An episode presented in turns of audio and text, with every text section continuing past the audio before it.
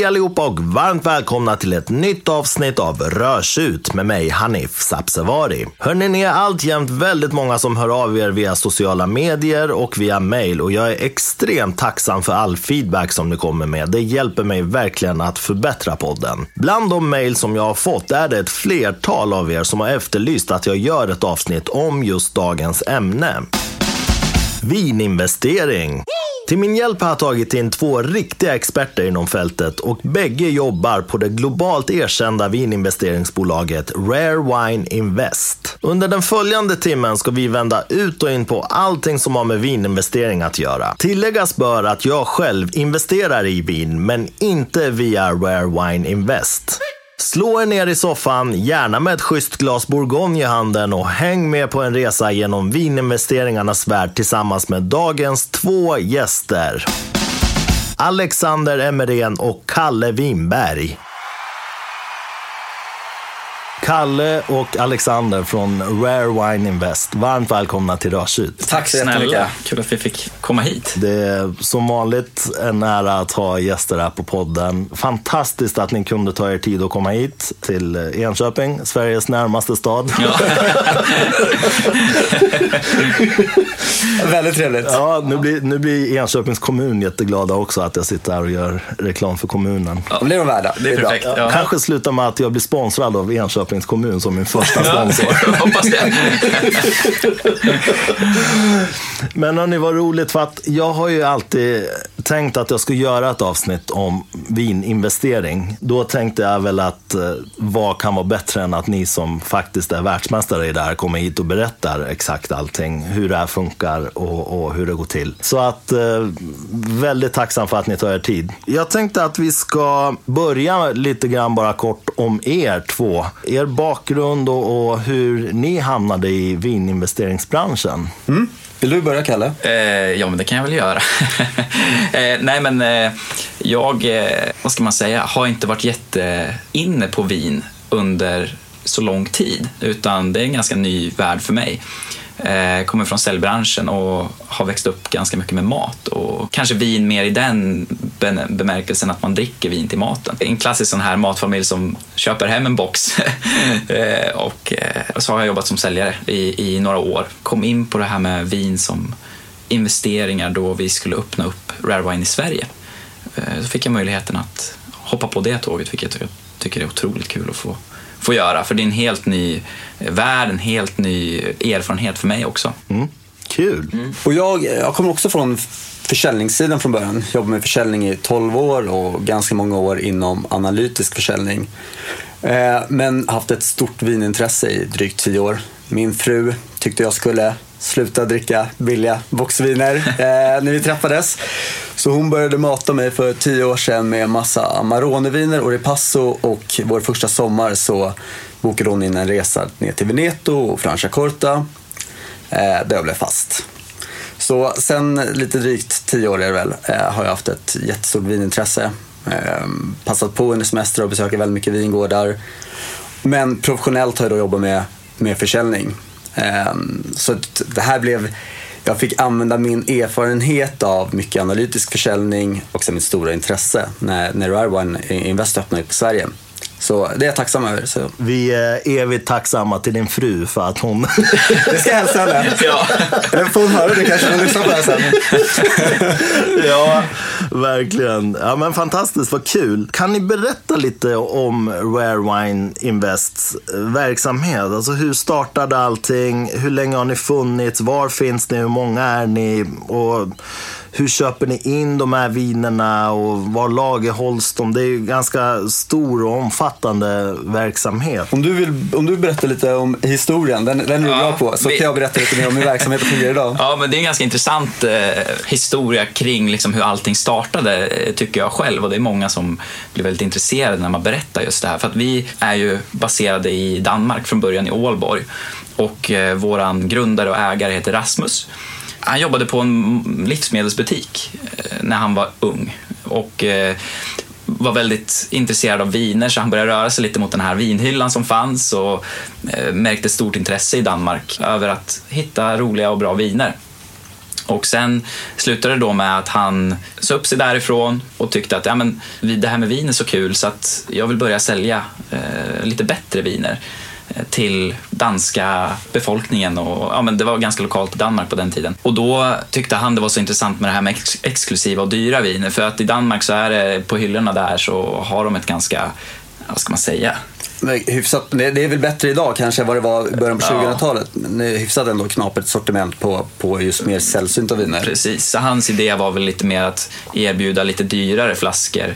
En dyr flaska istället för många billiga som de gör i de här butikerna. Eh, så där är hela den här tradingdelen startade som är ett av bolagen idag. Och sen märkte han då samtidigt att ja, men, de här vinerna som är väldigt dyra, de kanske folk vill spara och investera sina pengar i och sälja vidare sen och då märkte han hela den marknaden. Ja, folk vill investera i viner, så då startade han upp det här bolaget också. Och eh, det är lite kul för att de första investerarna då var ju hans mamma och hans pappa.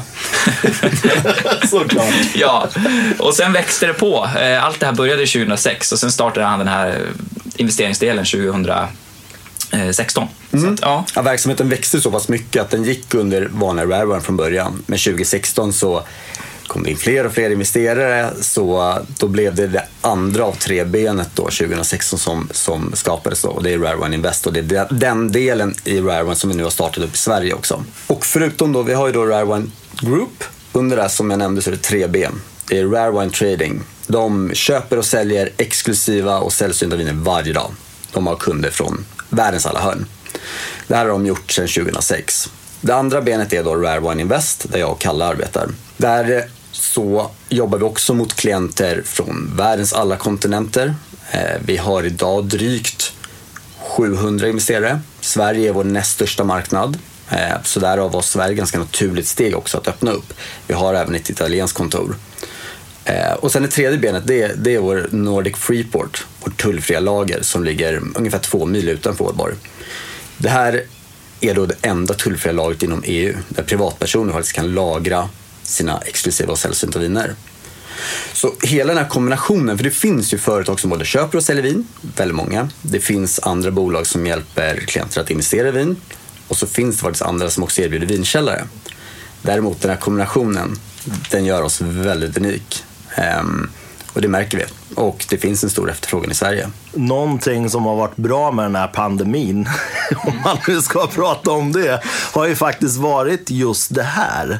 Eh, om man nu ska försöka se något ljus i det här mörkret. att eh, eh, vinbranschen har ju verkligen skjutit i höjden och, och precis som du nämnde då, Alexander, att eh, i princip alla typer av investeringar har ju gått upp och börsen har ju fått en riktig skjuts uppåt. Och du påpekade också, Kalle, att folk kanske sitter med lite mer pengar eftersom man inte gör av med så mycket pengar just nu. Man kan inte åka någonstans, man har ingenting att göra, så då investerar man pengarna istället. Mm. Så det har ju varit väldigt, eh, väldigt bra då.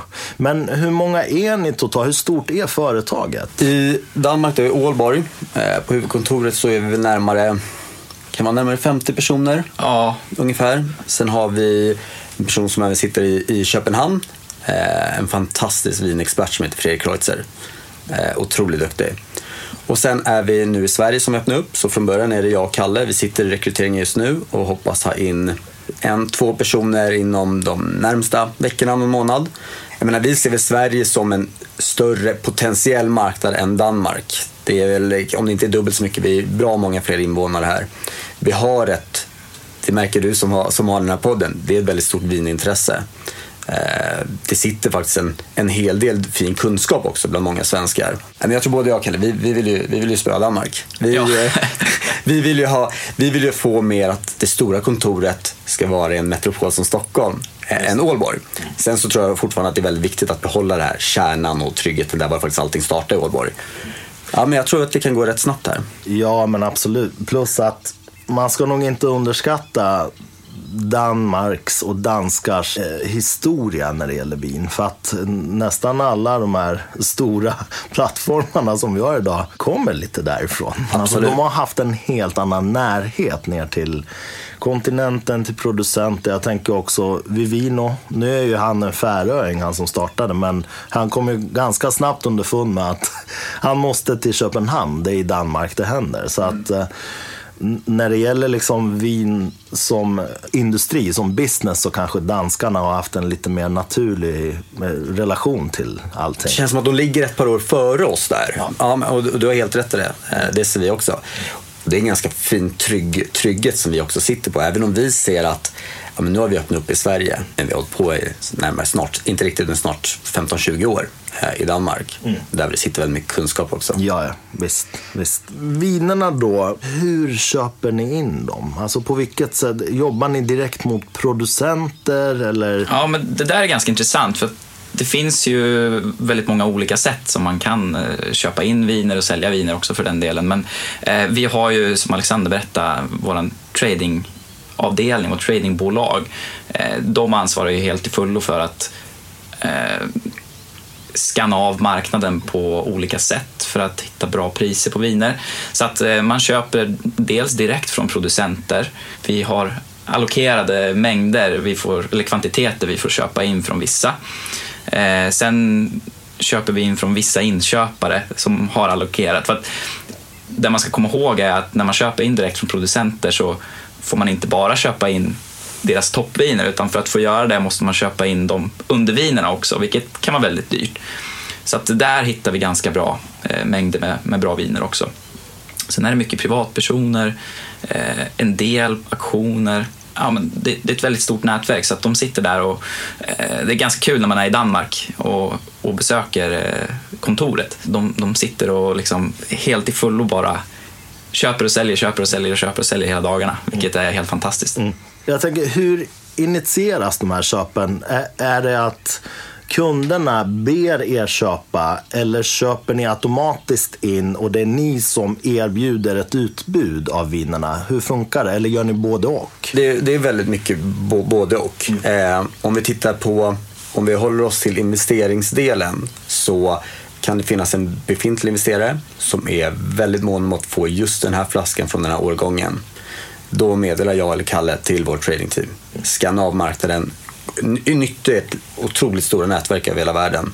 Hitta han, han eller hon vill ha 12 av den här. Mm. Då ser de till att hitta 12 av den här. Mm. Eh, om de också tycker att det är till ett bra eh, marknadsmässigt pris. Eh, sen kanske det är så pass att det är mer av en romantik att just den här investeraren vill ha de här flaskorna och han eller hon är beredd att faktiskt betala vad vad det nu kommer kosta. Men sen så, det vi ser är ett bra investeringsvin. Nu är det väldigt få viner.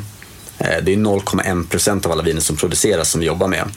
Så när vi ser att det släpps, till exempel en Sassicaia, vi har möjlighet att få in ett, en lite större volym kanske, då ser vi till att ta det, för då kan vi också erbjuda det till våra både nya och befintliga investerare. Så att, svar på din fråga, båda vägar. Kan man investera innan vinerna har buteljerats också? Jobbar ni på det sättet också eller? Ja, det kan man absolut göra. Mm. Beroende på när vi vet också hur mycket vi kommer få tillgång till. Vi kan ha en pre-sale eh, till våra investerare där man faktiskt också kan passa på att göra riktigt bra klipp. Mm.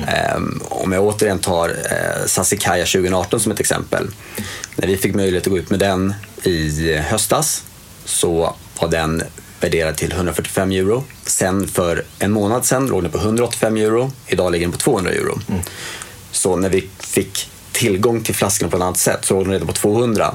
Så att var man med där i höstas så gjorde man faktiskt en ganska bra peng redan nu ja. och visar ju att det här, det här vinet kommer fortsätta öka i värde. Ja, absolut. Hur gör man då rent konkret om man vill eh, komma i kontakt med er och, och, hur ser hela den här processen ut från att man kontaktar er till att man har en färdig portfolio? Och vad exakt består investeringen i? För jag tror att eh, även fast vi förstår att det är vin så kan det ju vara nästan flummigt för folk om det inte är så att de väljer att plocka hem vinerna så, så känns det som att ja, men nu har jag skickat iväg min, mina investeringspengar till de här. Vad händer sen? Alltså, vad, var är flaskorna? Vad är det man investerar i? Kan ni berätta om den processen? Ja, men vi kan väl, jag kan väl börja där. För att jag kommer först in i ledet och sen kommer Alexander. Så jag tänker att eh, jag ringer ju ofta då eh, ut och pratar med de potentiella investerarna, de som visar intresse till, till vår produkt. Ta kontakt och hör lite, ja, men hur,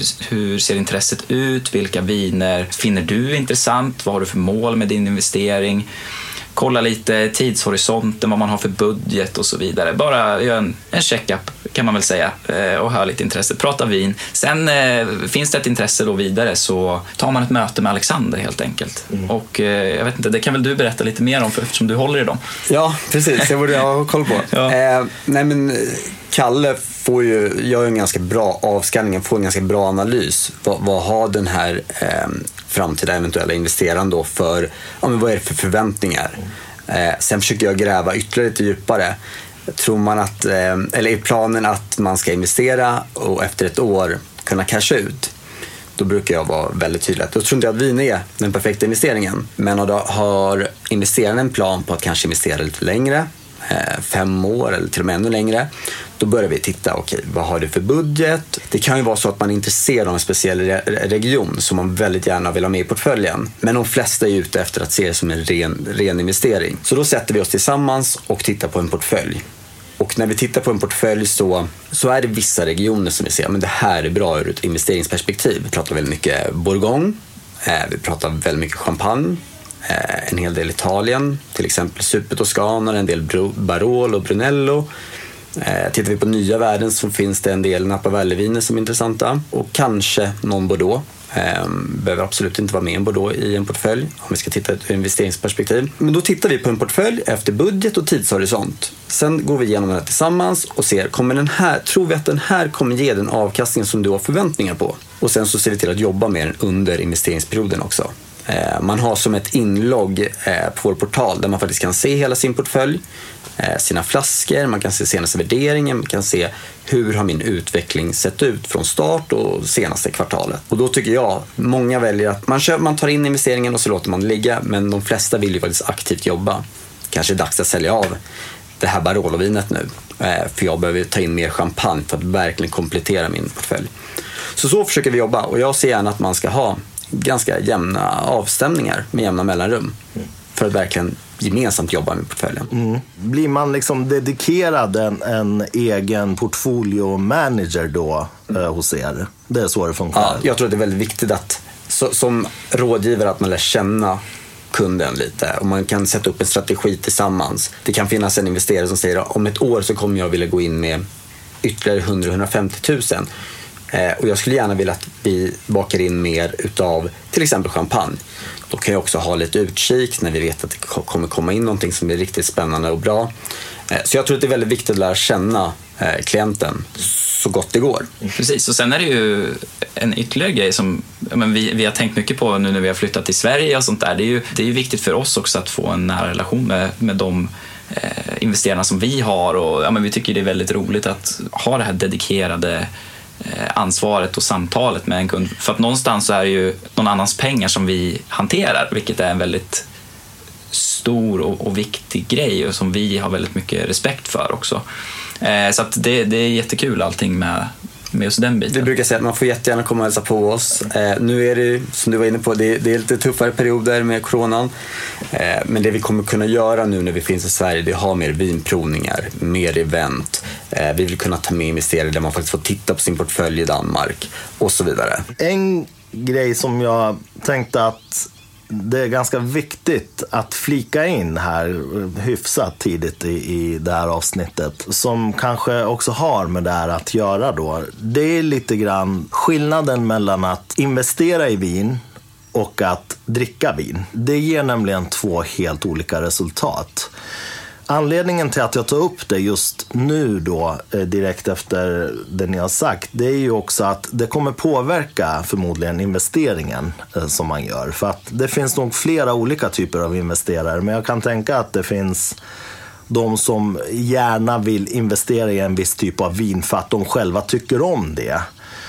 Eh, och då tänker jag att det kanske inte alltid är det mest optimala om man ser det utifrån investeringen. Alltså vad växer mig? Jag menar, jag kanske älskar Bordeaux eh, eller älskar, eh, vad vet jag, Barolo. Men det kanske just vid en viss tidpunkt inte överhuvudtaget är den bästa investeringen. Hur ser ni på det här? Det var en bra poäng. Väldigt bra tycker jag att, att ta upp det. För att när vi pratar eh, med många utav våra, eh, eller när jag pratar med, med många som är intresserade så får man ofta höra det här, precis som du är inne på, att ja, men jag har ju växt upp med att dricka bordeauxviner och man har någon sorts eh, romantik till det, vilket jag tycker är fantastiskt.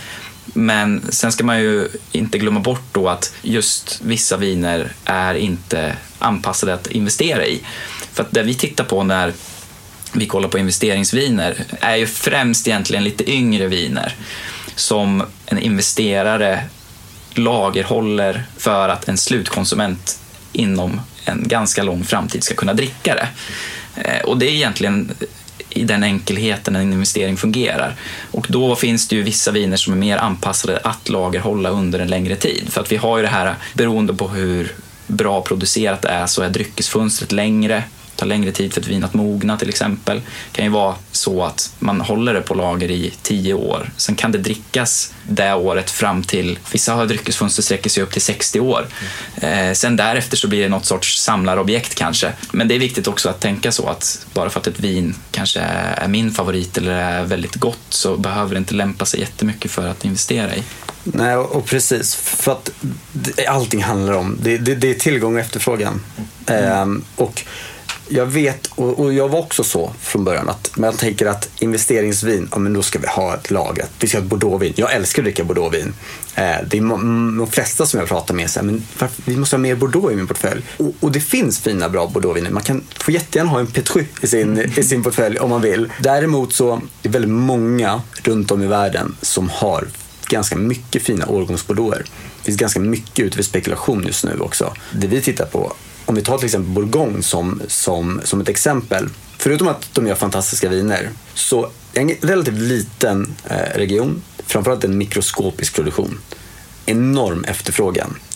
Och nu släpps ju 2019 års årgång som, om det inte är den bästa årgången någonsin så är det i alla fall på 100 år. Där ser vi att där kan man få tag på väldigt bra yngre viner. Vi tror även att de årgångarna runt runt 2019, om vi tittar på 2018, 2017, kommer få ett ganska fint lyft nu när 2019 släpps. Så att allting handlar om att skanna av marknaden, titta på tillgång och efterfrågan. Men sen förstår jag att jag tycker att själv att det är väldigt kul att har man en romantisk bild att man älskar att dricka Barolo-viner, ja, men då ser vi till att hitta 2016 års Barolo-viner som man kan faktiskt göra nog ganska bra avkastning på över tid. Det är klart att vi ska, vi ska inte säga nej till det. Men vi måste ändå ha av, avkastningsperspektivet hela tiden med oss. I princip kan man väl säga att det kanske funkar som också en eh, aktieportfölj där, man, där basen är någonstans en, en säker så att säga, investering i, i säkra eh, marknader och i säkra industrier och sen så kanske man eh, freebasar lite på toppen där. Exakt. Eh, för att man själv gillar det. Men jag tror det är viktigt för lyssnarna att påpeka det här, liksom att inte kanske investera alltid med hjärtat. För att det är just vad det heter, en investering. Mm. Vill, man, eh, vill man tänka att man ska dricka upp sina viner, då kanske man också helt enkelt kanske hellre ska skaffa en, ett vinlagringsskåp och beställa hem och ha det hemma. För då är det ju kanske inte lika viktigt heller att lägga sådana här pengar på att det lagerförs någon annanstans och hela den här krångliga processen. Nej, precis. Och det är hela tiden där vi kommer tillbaka till att man, man, ska egentligen inte tänka på en investering som en vinromantiker på det sättet att man vill dricka upp alla vinerna som man investerar i för då man tappar ju syftet lite grann där eh, egentligen. Man kan dricka upp en del av sin avkastning så ser man att man har fått lite gratis perfekt fina viner. Eh, men jag gillar det du säger att man bygger upp en grund sen kan man krydda det med lite romantik. Eh, det, det håller jag fullständigt med om. En, en annan sak som, som, är, som styr väldigt mycket, bägge de här grupperna, ja, både investerarna och romantikerna, är ju det här med poäng. Mm. Eh, och den här eh, lilla filuren Robert Parker återkommer ju här i den här podden lite då och då. För att han, han har på något vis gjort sig själv till en institution eh, Eh, som helt enkelt bestämmer marknadspriserna i mångt och mycket. I alla fall när det kommer till Kina och USA så han ju, han, jag skulle säga att han har direkt avgörande betydelse för hur det kommer gå för olika årgångar. Hur ser ni på det här? Jag menar, du, du sa också där 2019 kommer bli den bästa årgången. Det är lite också så här, man ska vara elak, det är lite ett stående skämt. Så varje år säger amerikanerna The best vintage ever. Nu, nu. och du, nu vet de här superlativerna i beskrivningarna, de, de försöker bara bräcka varandra. Till slut blir det nästan någon form av metaperspektiv på allting. Att man förstår inte ens vad de pratar om längre. Jag förstår ju såklart poängen. Jag sätter själv poäng då på mina recensioner som jag lägger ut på sociala medier. Men eh, jag tycker också att det är problematiskt. Av det enkla skälet att eh, om man tänker på de som köper vin för att konsumera baserat på poäng. Det är inte alls säkert att de här speciellt äldre vinerna kommer vara så pjåkiga som de upplevdes eh, och poängsattes med när de kom. Jag har druckit många äldre viner som hade ganska lågt betyg när de släpptes. Och nu är de helt fantastiska. Hur ser ni på det här när det gäller investeringssidan? Det här med poängsystem och de här eh, tyckarna och recensenterna som har en väldigt stor betydelse. Mr Parker, han har ju, alltså hans ord blir ju i många delar lite lag. Det är så det är. Sen behöver inte alla alltid hålla med om det. Däremot, jag kan tycka att det är en ganska bra måttstock ur ett investeringsperspektiv. Precis som du säger också att eh, många tittar efter hans bedömning. Vilket innebär, om vi återgår till tillgång och efterfrågan, efterfrågan för just det här vinet som har fått 98-99 poäng, den kommer att öka. Sen så stirrar ju inte vi oss blint att bara för att den har fått höga poäng så är det ett bra investeringsvin. Däremot så kan det vara ja, som sagt, en ganska fin måttstock till de som vill investera men inte eh, är en vinnörd som inte vill läsa på allt för mycket och behöver inte läsa på. Utan då kan det vara en fin måttstock. Men det är en ganska, en ganska delikat fråga som jag tycker själv, jag går till mig själv, att hur ska man förhålla sig till det? Men i slutändan, marknaden styr priserna på vin, även investeringsviner. Marknadens priser styrs ganska mycket efter hans poäng. Kan man inte även här, tänker jag, bara som ett lite allmänt tips, tänka så här att om man är ute efter att investera i vin för att ändå få pengar att växa, då måste man förhålla sig till det här. Mm. Om man inte är ute efter att investera i vin, alltså vill köpa vin för att konsumera, då spelar det mindre roll. Det är väl en bra grundregel? Det är väl en jättebra grundtanke man, man, man, kan utgå ifrån. Precis som du var inne på. Det finns viner som har fått mycket lägre poäng än vad, vad jag själv tycker att de är värda. För det är ju som sagt skillnad på konsumtion och investering. Mm. Och det är en människas palett vi pratar om. Ja. Och det kan ju vara så att Robert Parker kanske gjorde en vinprovning i Hongkong och var jetlaggad och eh, lite lätt förkyld och sen skulle han dra igenom 250 bordeauxer på en dag. Eh, och då, ja, ni vet, det är en människa liksom. Så att det är väl lite det jag försöker att påpeka att eh, ska man konsumera vin så har det inte så stor betydelse. Jag, jag, skulle personligen kanske ta större hänsyn till druvor, områden, kanske andra viner som man har druckit som man gillar. Eh, vad är det för stil på dem? Vad är det för druvor? Och sen att man jobbar sig vidare därifrån. Medan ur ett investeringsperspektiv så kommer det ha betydelse. Så är det bara. Mm. Och utforska då. Är man väldigt fäst vid till exempel en just eh, producent eller en just gård testa lite syskonviner till det som du har druckit. Det kan vara väldigt intressant. Både lite lägre ner i prisklass och kanske lite över. För att, för att känna, för troligtvis har den någonting, den jorden, den tycker du om uppenbarligen. Förmodligen, ja. ja. Hur står sig vin gentemot investeringar i exempelvis aktier, mark, guld, bostäder. Och nu har ni ju sagt det här, men vad är det för typ av investering vi pratar om om man tänker tidsmässigt? Eh, alltså vad är det för, är det långsiktigt, är det kortsiktigt?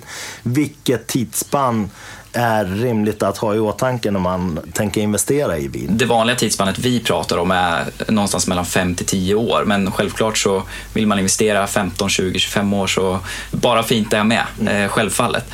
Ehm, sen är det ju lite svårt att jämföra tycker jag med med aktiemarknaden och med fastigheter, guld, eh, obligationer, vad det nu kan vara. För att vin är någonstans en fysisk produkt som du kan ta på, som dricks upp och har du en flaska där så är det ju, ja, som Alexander pratade om, lite efterfrågan som styr.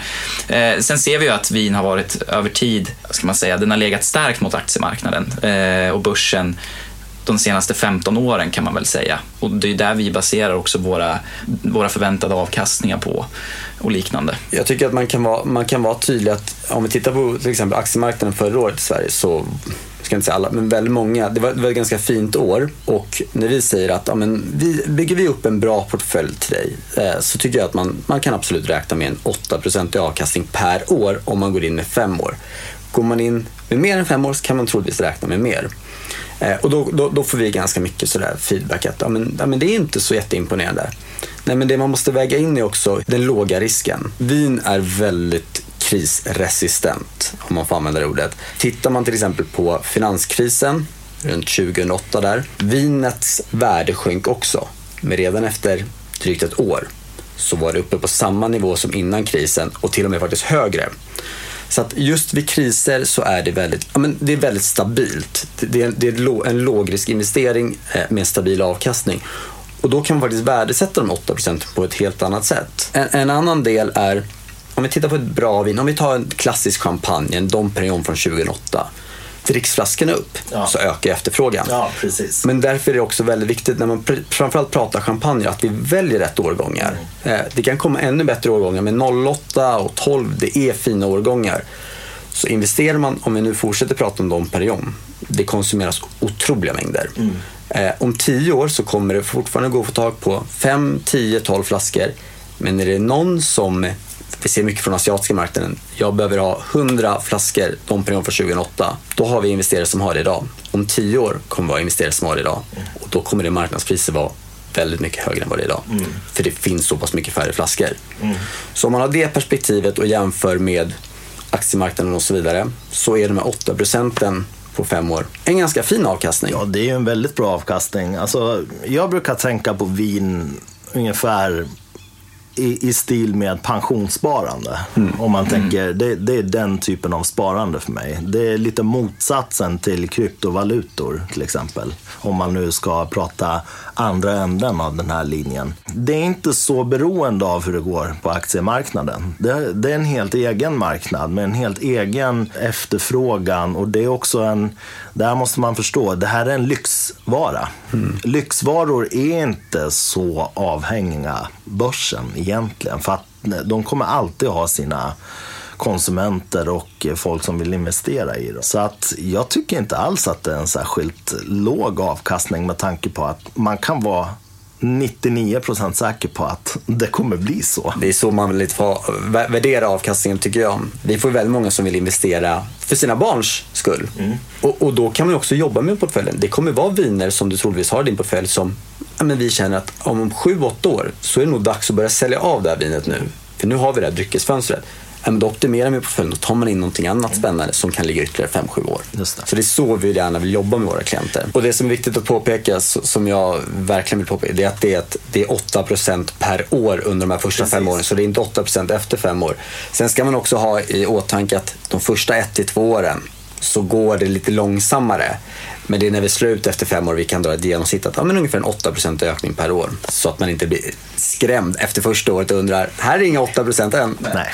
Exakt. Hur ser vininvesteringsbranschen ut globalt? Om ni kan delge era tankar kring det. Alltså finns det många aktörer? Det finns ett gäng aktörer. Inte jättemånga vad vi ser i Europa.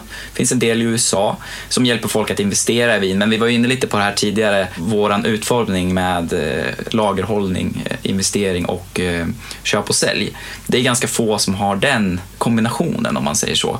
Sen Eh, är det lite synd att det inte kanske finns fler aktörer för att då kanske fler människor hade varit medvetna om att vin är bra att investera i. Någonstans, ja visst, det, det, vi har ett bra, ett fint läge att ta stora marknadsdelar någonstans. Men å andra sidan är det väldigt mycket jobb att bygga upp eh, någon sorts förtroende och eh, medvetenhet kring att viner är bra. Det finns, men kanske inte så många som man hade önskat egentligen. Vissa kanske tänker, men det är väl jättebra om det inte finns så mycket för då, då behåller man den här lyxstämpeln. Men du menar egentligen att det skulle vara tvärtom, att det skulle bara vara bra ifall det skulle finnas fler möjligheter? Man kan ju alltid se det på, på två sätt egentligen. Dels det här med medvetenheten, jag tror att då hade det varit eh, enklare, ett enklare insteg att investera i vin. Om det hade funnits en, en större marknad att göra det på.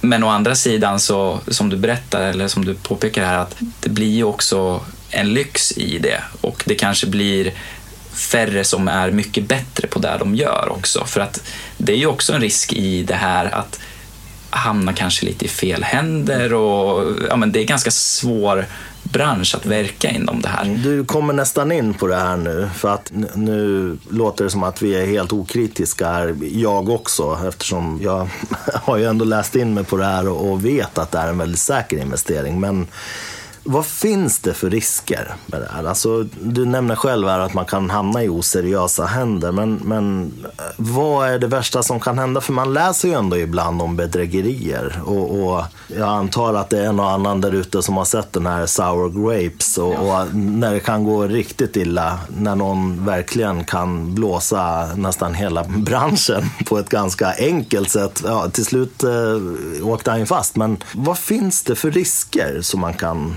råka ut för. Det som är riktigt tråkigt är att vi i Skandinavien är ganska drabbade av mycket, mycket bra förfalskningar på viner. De kriminella, de hittar genvägar. De hittar nya sätt, de är påhittiga på att, på att faktiskt eh, skapa kapital. Det som vi gör är att vi har en dansk kollega Eh, som heter Mats, Mats Dus Pedersen. Han är internationellt erkänd vindetektiv.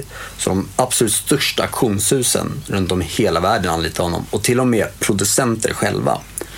Han går igenom varenda flaska som kommer in med UV-ljus och mikroskop och så vidare. Och tills han har godkänt dem så ligger alla flaskor i karantän. Och de är riktigt, man blir lite imponerad samtidigt för de är fantastiskt bra de här förfalskningarna. eh, samtidigt som det gör lite ont i hjärtat. Men vi använder oss av honom och det är det största hotet.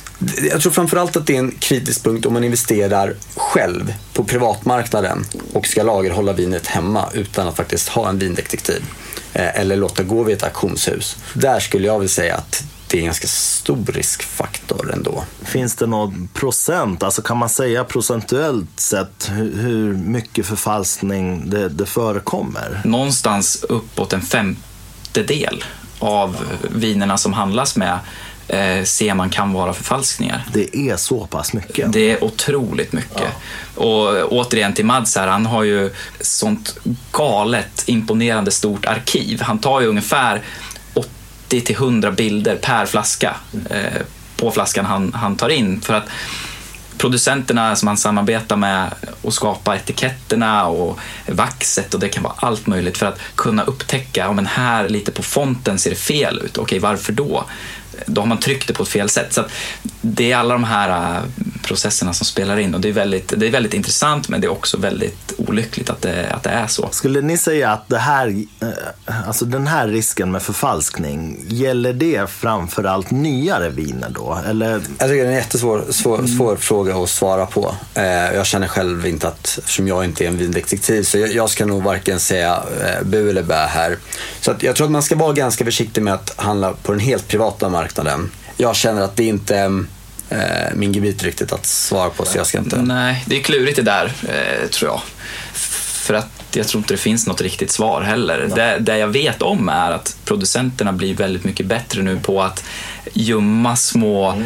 doldisar i mm. sina etiketter. Det kan vara en form av blindskrift, det kan vara ja, men lite som man kan tänka på det som en sedel. Ja, men absolut. Jag såg någon eh, dokumentär där de visade att eh, om det var Petrus eller någon sån här riktigt dyr flaska för den här eh, programledaren då, eller han som gjorde den här dokumentären. Och, och ja, han tyckte givetvis att allt såg frid och fröjd ut. och, och då sa de, ja, men nu har du två flaskor den här. En är en förfalskning. Han kunde verkligen inte se.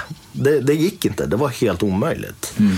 Men då skar de upp folien och sen så under folien, högst upp på en liten del som man såg av korken när man lyste med stark ficklampa, så hade de liksom eh, limmat fast en sån här ID-märkning då på den flaskan. Jag, jag tror väl att eh, det är något sånt man får göra liksom. Men det, det är ju svårt att skydda sig mot sånt där. Det, det går ju inte. Det är ungefär som eh, bilar, jag tänker BMW-rattar som stjäls ganska mycket. De försöker ju, det finns ju en märkning liksom på de här. Men ja, det hjälps ju inte. De, folk stjäl dem ändå. De är påhittiga och när de väl har hittat, okej okay, nu kan vi inte använda den här typen av förfalskning längre, då kommer de på nya vägar. Ja. Så det gäller att vara väldigt öppen och jag är jätteimponerad över Mats arbete. Eh, det skapar, oss, skapar väldigt mycket trygghet, både för oss och för våra klienter. Om jag skulle komma till er och säga, nu får ni sätta ihop en portfolio till mig. Eh, jag har så här mycket pengar, gå loss. Vad går ni främst på? Alltså går ni främst på hur mycket som har producerats, hur, eh, hur exklusivt det här kommer bli på sikt. Eller är det årgång, är det stil, är det druva eller är det liksom en kombination av de här sakerna? Mycket är en kombination eh, till viss del. Ehm, sen handlar det också om vissa klienter vill ha större volymer till, men ändå bra investeringsviner. Men vi säger att det är två olika klienter som vill gå in med 200 000 kronor var. En vill ha större volymer till, för flaskor som kanske ungefär kostar en 2-2500 kronor styck. Medan den andra klienten vill ha en mer nischad portfölj. Gärna någon Romani Conti-flaska och någon väldigt fin salonchampagne och så vidare. Så det gäller ju att vara lyhörd. Men vi har ju en bild eh, hur vi sammansätter en portfölj. Om vi är ute efter ren avkastning. Vi tittar mycket på bourgogne. Vi tittar på champagne, men då från rätt champagnehus och rätt årgångar. Vi tittar en hel del på Italien. Eh, förra året, 2020, så var Italien den näst bästa marknaden avkastningsmässigt för oss. Det var bara champagne som slog den utvecklingen.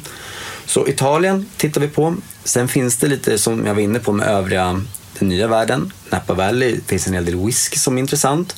Whisky är lite högre risk, men man kanske har en sån profil att man äh, jag är ute efter lite mer risk, men jag kan också få en högre avkastning. Så att vi har en ganska klar bild hur, vi, hur vi tycker att en bra investeringsportfölj ser ut. Men allting handlar om samspelet med klienten. Så lite luddigt svar på din fråga. Men... Nej, nej, men alltså, det, det, var, det är ändå ett svar. För att olika mm, klienter är ju olika eh, inlästa. En del har ju väldigt mycket kunskap. En del kanske har investerat ganska länge och kan väldigt mycket.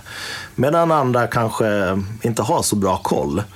Och, och, jag tänkte väl mest att ni har ju redan svarat på den här frågan egentligen tidigare. Men jag tänkte så här, vad är scenariot liksom, om jag kommer att lägga all makt i händerna på er, så att säga, om ni får välja? Precis som du säger, det finns två helt olika. Vissa har ju helt klart att jag vill åt de här flaskorna från den årgången. Och då är det fint, då ser vi till att hitta det. Mm. Eh, men lägger du makten helt i våra händer. Sen vill vi alltid ha ett godkännande. Vi, vi kommer aldrig investera någonting utan att vi vill att du ska faktiskt titta igenom portföljen och brukar gärna skriva ganska mycket information om varför vi har valt just de här flaskorna. Mm. För det tror jag är viktigt att man ändå ska ha i åtanke innan man går in i någonting. Hur ser ni på globala klimatkrisen? Alltså klimatförändringarna eh, ändrar ju en hel del förutsättningar. Och, och, som, alltså producenterna måste hela tiden anpassa sig efter det här. I värsta fall har man vingårdar som brinner upp i Kalifornien eh, helt och hållet och det är ju en stor katastrof. Men jag tänker också till exempel i Bourgogne eh, har man ju behövt göra om eh, själva vinifieringen på väldigt många sätt. Hur tänker ni där? Ja, men ta Australien och Kalifornien som är väldigt drabbade av skogsbränder och av bränder överlag. Kan det bli så här att det brinner upp och att de flaskorna som blir kvar blir extremt exklusiva till exempel?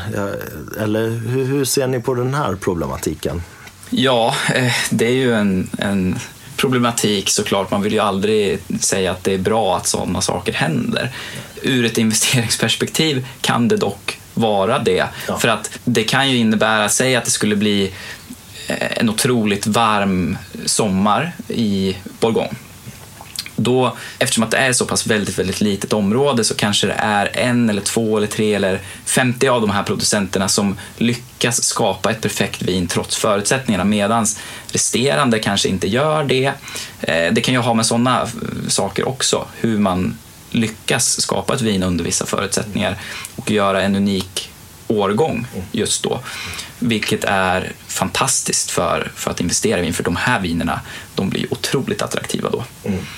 Eh, vilket är väldigt intressant och likväl, eh, vi ser ju Leroy mm. är ju ett väldigt intressant fall när det kommer till det här med eh, efterfrågan. Hon är 89 år, kanske går i pension eller vad man ska säga snart och där är det väldigt många som det är ett intressant fall att köpa på sig flaskor nu för att rätt vad det är så gör inte hon vinerna längre med sina händer och då har man ett ganska bra läge där. Mm.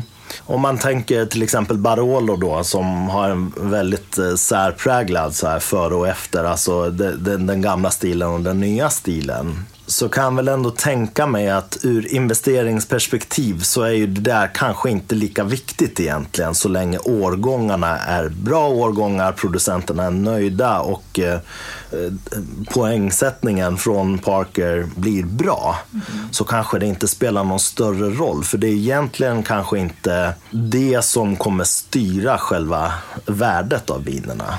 Du har helt rätt. Och till exempel Barolo. 2014 var väl inget toppår direkt. Ehm, så där har vi ju knappt några Barolos ur ett investeringsperspektiv. Däremot finns det, finns det ett Barolovin som faktiskt fick 100 poäng 2014. Ehm, den blir då helt plötsligt ganska unik och en väldigt fint investeringsvin. Men som du säger, du har, du har helt rätt. Men då kan man hitta lite andra vägar att okej, okay, det var ett ganska dåligt år här 2014, men just den här flaskan, den fick 100 poäng den spöade rent ut sagt, ursäkta svordomen, skiten ur de övriga Barolo-vinerna. Då är den jättehäftig att ha. Ja, och sen eh, bara att ta ett annan liten synvinkel på det här. Du pratade lite om den nya italienska världen. Mm. Eh, Italien nu, nu på senaste tiden har man ju börjat också mappa ut precis vilka producenter som tillhör vilka exakta gårdar, vilka hus de äger. Eh, lite som man har gjort i Frankrike i ja, hundratals år. Mm.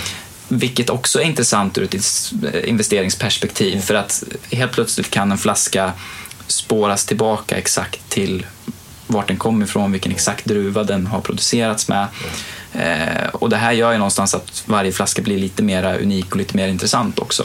Ja men precis, alltså det motsvarande appellationssystemet i Italien, det var ju den här Renato Ratti som egentligen på egen hand liksom kartlade alla de här producenterna och områdena. Mm. Man ska vara extremt tacksam för den gärningen för att annars hade vi inte pratat om Barolo som vi gör idag. Så det, det var ju ingen liten sak han gjorde där. Dels för att få överblick men också för att, jag menar, om man tänker investeringsvärdet så det blir ju mycket mer värt om det finns ett system. Och det finns ett klassificeringssystem, det finns ett appellationssystem.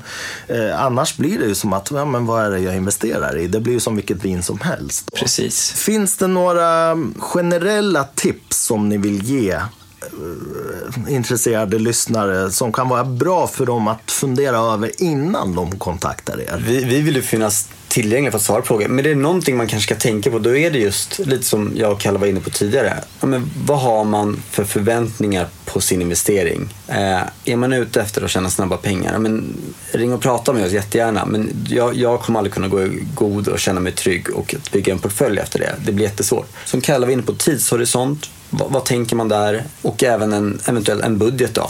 Sen, så, sen, så, sen ska vi ju ha en dialog tillsammans och bygga upp någonting. Så man behöver inte ha så mycket förberett för sig. Nej. Nej, och man behöver framförallt inte vara någon sorts expert vad gäller vin eller investeringar heller. Ja, men som vi har varit inne lite på tidigare, att vi har ju många som ser det här som en ren investering. Det hade kunnat vara fastigheter lika gärna. Eh, så att man behöver inte ha kunskapen kring det, utan det bistår vi jättegärna med. Eh, sen är det kul om någon har lite kunskap också såklart, för att då kan man ju ha en dialog och det blir personligt på det sättet. Men absolut inget som, som man behöver ha. Det finns ju ett fenomen som vi måste tala om när det, när det gäller just eh, vininvestering och det är att det finns ett eget börssystem då som heter Livex.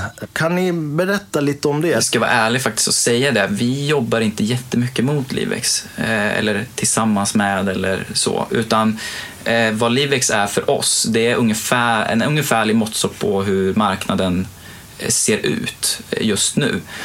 Och det är viktigt att komma ihåg att Livex är ju den engelska vinbörsen så att de har koll på de engelska vinerna och de engelska priserna.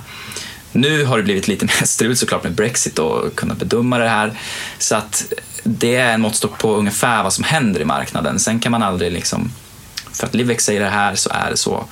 Eh, ja, så jobbar inte vi utan vi har ju en hel helt nätverk med hur man bedömer viner och hur den processen går till vi använder ungefär Livex på samma sätt som vi, vi tittar, vi följer ju Wine Searcher också såklart. Vi har koll på det och framförallt vår tradingavdelning har ju stenkoll på det. Men i slutändan när det handlar om investeringar, allting handlar om vad är marknaden beredd att betala för en flaska.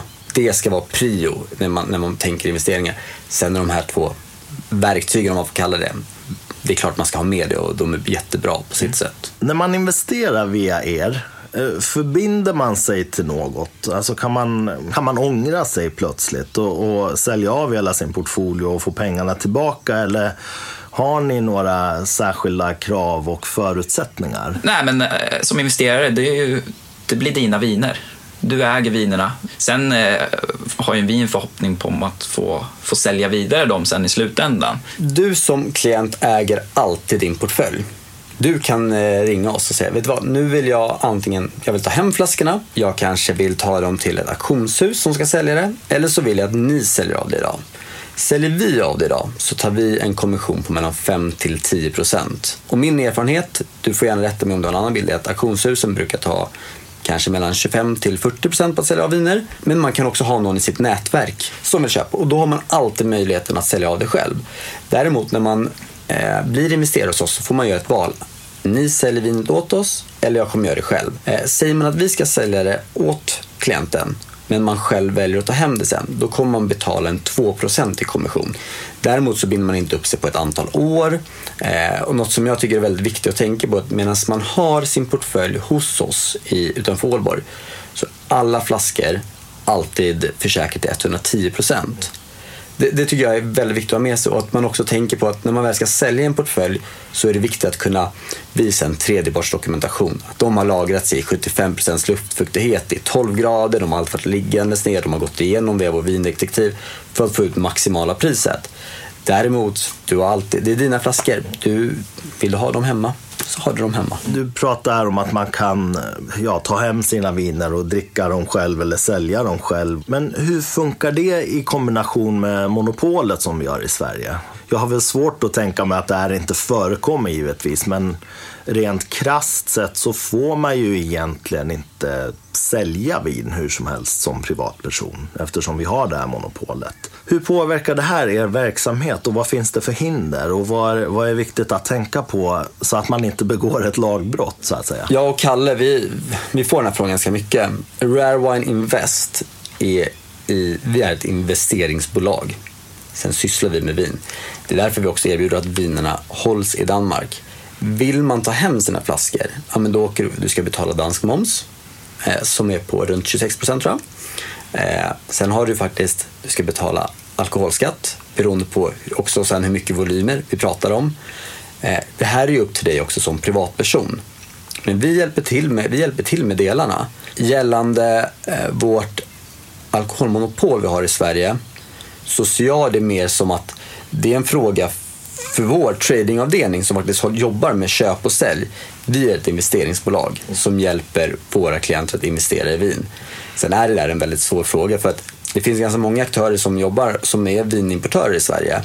Och jag hörde en intervju med Systembolagets VD för någon vecka sedan att det är ju inte korrekt. Sen som jag har förstått det så finns det väl inte i dagsläget något straff för det riktigt. Såklart man ska göra rätt för sig. Just det här med, med monopol med köp och sälj. Det där, jag, jag duckar inte frågan men vi är ett investeringsbolag så jag skulle säga att det har mer med vår tradingavdelning att göra. Däremot så har man ju andra eh, regler att förhålla sig till eh, ur ett eh, investeringsperspektiv. Till exempel vinstskatt, hur, hur, hur, man ska deklarera det. Det är ju mer sånt där vi försöker vägleda våra klienter. Ja, men så, här ska, så här går det till och så här ska du göra.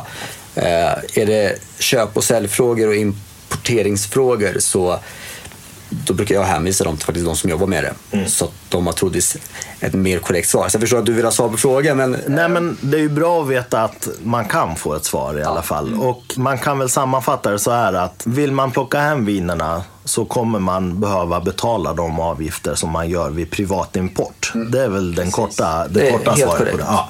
Så att inte folk tänker sig att ja, men det här är liksom en bakdörr där jag slipper betala. Utan, eh, för det skulle ju vara direkt olagligt ja, då. Absolut. Så att eh, svaret är väl att man får se det som en privatimport då helt mm. enkelt. Exakt, och vårt mål som en investerare, men vi köper in vinerna, eh, moms och skatte tullfritt och lagerhåller det i Danmark och sen är det ju målet att sälja vidare det. Vår tanke med en investering är väl egentligen aldrig att det ska hamna i, i kundens händer om man nu inte vill det, men det, det ultimata är ju att köpa in det, sälja det för ett dyrare pris, att vi får en bra avkastning för våra klienter. Ja, precis.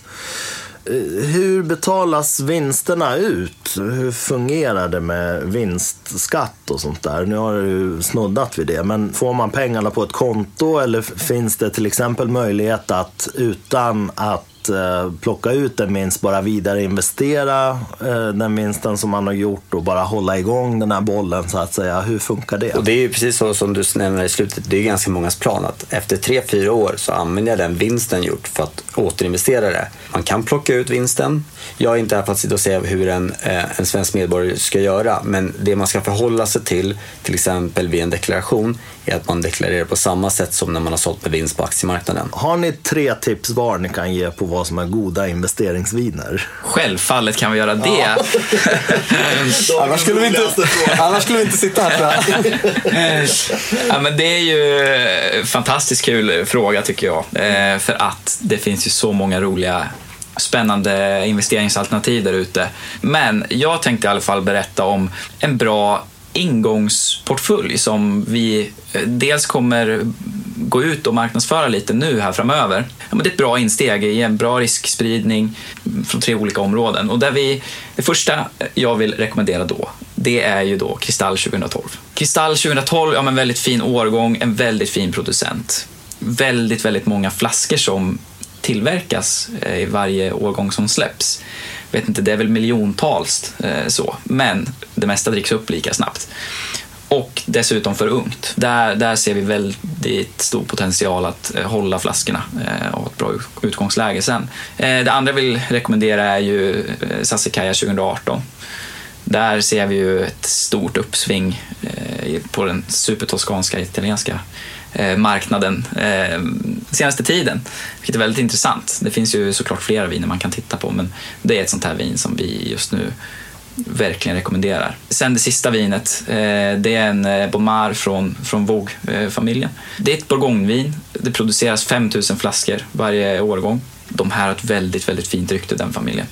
Ett Grand Cru-vin. Har man de här tre flaskorna tillsammans så tycker jag att man får en väldigt fin riskdiversifiering och ett fin, ja, men en fin förväntad avkastning på sina flaskor. Så det är väl mina tre tips. Jag vet inte, vad, vad, tycker du? Det är sällan vi erbjuder en standardportfölj eller en för, för, förbestämd. Vi tänker faktiskt skicka ut den här för att vi ser att den här, är, den här kommer ligga på ungefär 110 000 svenska kronor.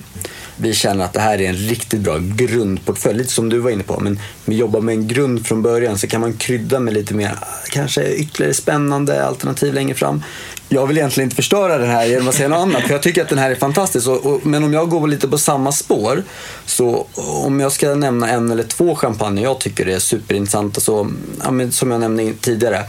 Bra champagnehus till bra årgångar. Till exempel Dom Perignon 2008. Till och med kanske en Magnumstorlek. Jätteintressant. Där är fortfarande en stor konsumtion. Eh, kommer ha svårt att få tag på större volymer längre fram. Det är en jättefin årgång. Eh, jag skulle kunna säga att en Krug eh, Vintage Brut skulle kunna vara från 2002. Jättebra alternativ. Om vi ska hitta någon annan supertoskanare tycker jag att Ornelaya är väldigt, väldigt spännande. Och sen från de bästa gårdarna i Bourgogne. Jag, jag kan liksom inte välja en flaska. Det, det beror lite på också vad man har för typ av syfte med portföljen. Jag menar, jag hade älskat att få möjligheten att ha en eh, Romani Conti-flaska i min. Sen så har den en prislapp därefter. Men det är ju också kanske den eh, bland de tryggaste valen du kan ha i en prisutveckling. Jag hade tyckt att det var lite spännande att ha något Napa Valley-vin. Men att nämna en, Harlan Estate kanske hade varit... Eh, mm en väldigt rolig flaska att ha. Och en rolig flaska att korka upp på fredagskvällen Ja. och, och sörpla i sig också. Precis, att man helt plötsligt tänker att "Visst, det här med investeringen, jag dricker upp allt. Det hade varit otroligt. Ja, det hade varit fint. Men du, har, har inte du någon eh, liksom, portfölj som du hade valt då, om vi säger tre flaskor? Jag är ju väldigt eh, sådär fortfarande Bordeaux-driven. Jag tycker det är kul eh, med Bordeaux. Och de här, de här klassiska, ja men Latour, Mouton, alltså det är ju ändå fortfarande också väldigt fina investeringar. Det- Oh, ja. Absolut. Och man betänker också att en, en väldigt betydande aktör inom vininvesteringsbranschen är Kina och kineser. De är väldigt Bordeaux-drivna fortfarande. Men nu kommer Bourgogne väldigt mycket snabbt där också. Men det slår aldrig fel, så att det är fortfarande en väldigt trygg investering. Sen gillar ju jag sådär, äh, om man ska prata om de här kryddorna. Jag gillar att, att dra till med något som kanske inte är jättetypiskt, men Penfolds Grange skulle jag investera i också. Av det enkla skälet att jag tror att äh, det kommer gå ganska illa i Australien med den glo- globala klimatkrisen. Och jag tror att Penfolds kommer vara väldigt attraktivt av det enkla skälet. Jag tror att de kommer behöva göra om vinifieringen så pass mycket att de kommer i värsta fall behöva flytta på vingårdar och det kommer kanske påverka så att det kommer nog bli en liten dipp där då, där det tar stopp ett tag. Och sitter man då på de där flaskorna så kan det bli ganska bra. Jag Intressant. tror, det, jag tror det är jätteintressant. För att jag, jag håller med dig. Vi får ju, det vet ju du också när du pratar med en hel del som, som nämner mycket Australien faktiskt. Och det är väl ingenting som vi just nu direkt jobbar och erbjuder i ett investeringsperspektiv. Men det du säger, och jag håller med, för att det är en både läskig men spännande framtid för Australien. Så att, ja, bra krydda. Ja. Men hörni, eh, känner ni er nöjda? Känner ni att eh, ni har fått berätta om alla olika delar av er verksamhet? Och, eller tycker ni att det är någonting som jag har missat? För det är ändå viktigt att ni också känner att det här har varit uttömmande från, från ert håll. Först det har varit jättekul att, att få komma hit. Eh, Jag tycker väl att vi har fått med ganska mycket. Menar, det går ju att grotta in sig väldigt mycket och på specifika druvor och viner och så vidare. Eh, jag tror vår ambition också eh, när vi kommer i kontakt med det var att ja, men jag tror vi ska försöka ge en ganska bred bild för vininvestering är relativt nytt i Sverige. Men folk jättegärna får komma och hälsa på oss, man får ta kontakt med oss. Bara, man kanske inte är redo att investera idag men man vill bolla lite och lyssna och sådär.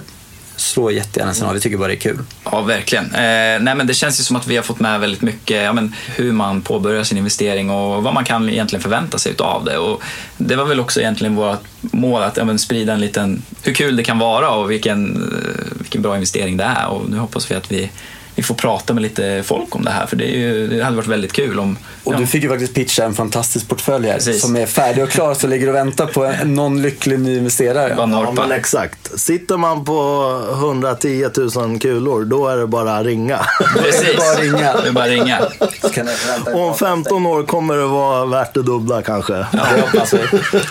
Det hoppas vi verkligen. Ja, men hörni, jättestort tack till er. Superkul att ha er här. Väldigt tacksam för att ni tog er tid. Det här blev ju ett mycket roligare avsnitt än att jag sitter och tragglar vininvestering i, i väldigt hög hastighet.